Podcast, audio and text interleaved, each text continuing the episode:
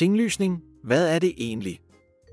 Du er sikkert stødt på ordet tinglysning i forbindelse med køb eller salg af ejendom, men hvad betyder det egentlig, og hvad skal du vide om tinglysning? Vi besvarer de oftest stillede spørgsmål i denne artikel. Hvad er tinglysning? En tinglysning er den proces, der sker, når man registrerer og bekendtgør et privatretligt forhold, eksempelvis et skøde på et hus, ved en offentlig retsinstans, i dette tilfælde ved tinglysningsretten. Når en ejendom skifter ejere, skal det derfor registreres offentligt, så der ikke hersker tvivl om, hvem der ejer ejendommen. Hvad kan tinglyses? Når man handler med større ting som ejendomme og biler, skal der ske en tinglysning for at sikre overensstemmelse over, hvem der har rettighederne over det pågældende. Ifølge tinglysningsretten kan følgende tinglyses. Fast ejendom. Rettigheder over en fast ejendom, eksempelvis ejendomsret, skøder, pant, retsforfølgning og begrænsede rettigheder over en ejendom. Køretøjer. Rettigheder over biler, campingvogne med videre, for eksempel ejendomsforbehold, pant, retsforfølgning, dødsfald, men ikke ejendomsret og brugsrettigheder. Andelsboliger. Rettigheder over en andel i en andelsboligforening eller en aktie eller anpart i henholdsvis et boligaktieselskab eller boliganpartsselskab omfattet af tinglysningslovens kapitel 6 bit, eksempelvis pant, retsforfølgning, men ikke eksempelvis ejendomsret og brugsrettigheder. Personer, virksomheder. Rettigheder over en virksomheds aktiver og fremtidige erhvervelser, virksomhedsband, rettigheder over BLA løsører og ægtepagter. Rettigheder over personer eksempelvis i form af ægtepagter eller umyndiggørelse. Hvorfor er tinglysning vigtigt? Det er vigtigt, at der sker en tinglysning, det vil sige registrering af, hvem der har ejerskab over eksempelvis en ejendom. Det er vigtigt, så du kan være sikker på, du er den eneste, der ejer ejendommen. Alle tinglysninger er offentlige. På www.tinglysning.dk kan du gratis slå oplysninger om ejendomme, køretøjer, andelsboliger og personer, virksomheder, der er tinglyst, op.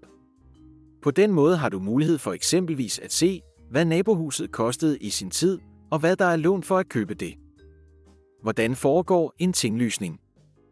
I gamle dage fik den nye køber af en ejendom kastet jord i hans skød som symbol og bevis på overdragelsen, mens tilstedeværende ansas som vidner, der kunne bekræfte overdragelsen.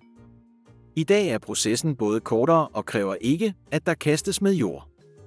Al tinglysning foregår nemlig digitalt på tinglysningsportalen www.tinglysning.dk, hvor man underskriver med sin digitale signatur. Ifølge tinglysningsretten sker ca. 87% af alle anmeldelser automatisk, hvormed de tager under 5 sekunder. De mere komplicerede sager behandles manuelt af ansatte hos tinglysningsretten i Hobro. Her kan du se sagsbehandlingstiden. Tinglysningsafgift Når du skal have tinglyst dokumenter, skal du betale et gebyr til det offentlige i form af en tinglysningsafgift. Størrelsen på afgiften afhænger af, hvad der skal tinglyses.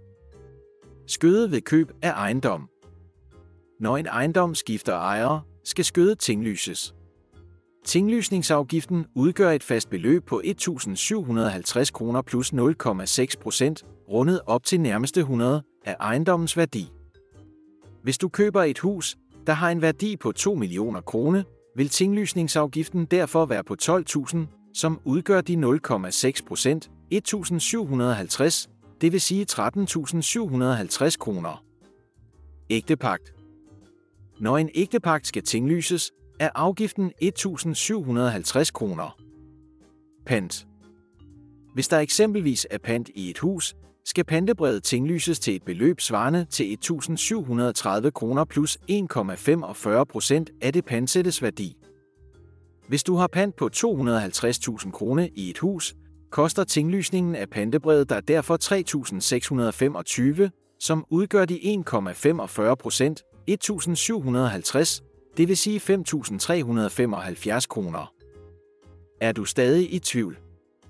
Vi håber, at denne artikel kunne besvare nogle af de spørgsmål, du måtte have om tinglysning. Hvis du stadig sidder med ubesvarede spørgsmål, kan du kontakte os hos familiehandlen.dk.